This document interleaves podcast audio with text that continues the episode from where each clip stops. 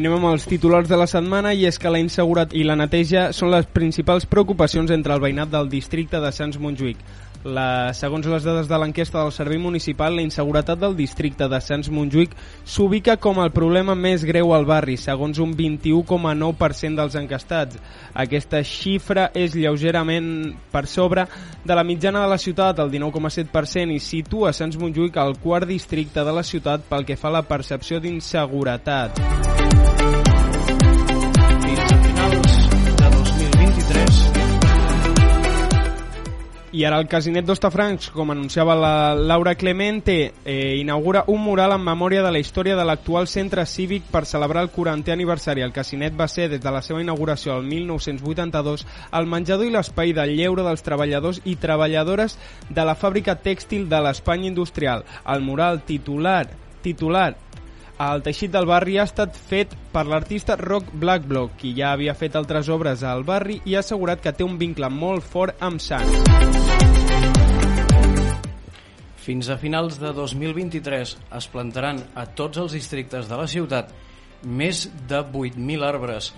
Per assolir aquesta xifra, les brigades de Parcs i Jardins comptaran amb un servei de suport que forma part de les actuacions del Pla de Manteniment Cuidem Barcelona. Aquesta acció s'afegeix a aquesta acció, dèiem, s'afegeix a la plantació la primavera passada de més de 55.000 plantes i flors.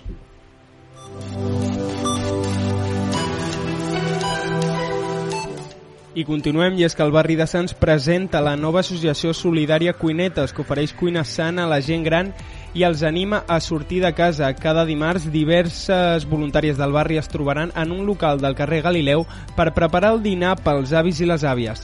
Tot això amb l'ajuda del mercat de Sants i d'un supermercat del barri.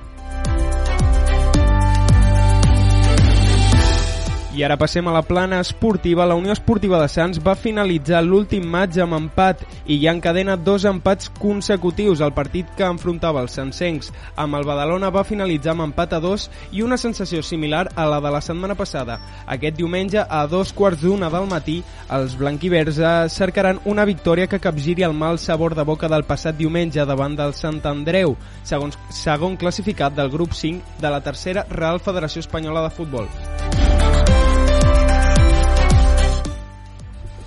No deixem els esports perquè els hem d'explicar que a la plaça de la Farga ja hi ha un nou equip de petanca.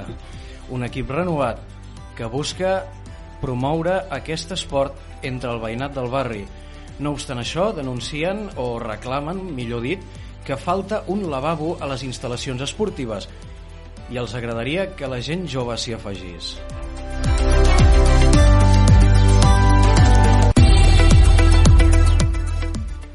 Avui és dissabte 8 d'octubre del 2022, Dia Europeu de la Donació i el Transplant d'Òrgans. Aquests han estat els serveis informatius de l'Ona de Sants, al tercer districte. Ens veiem la propera.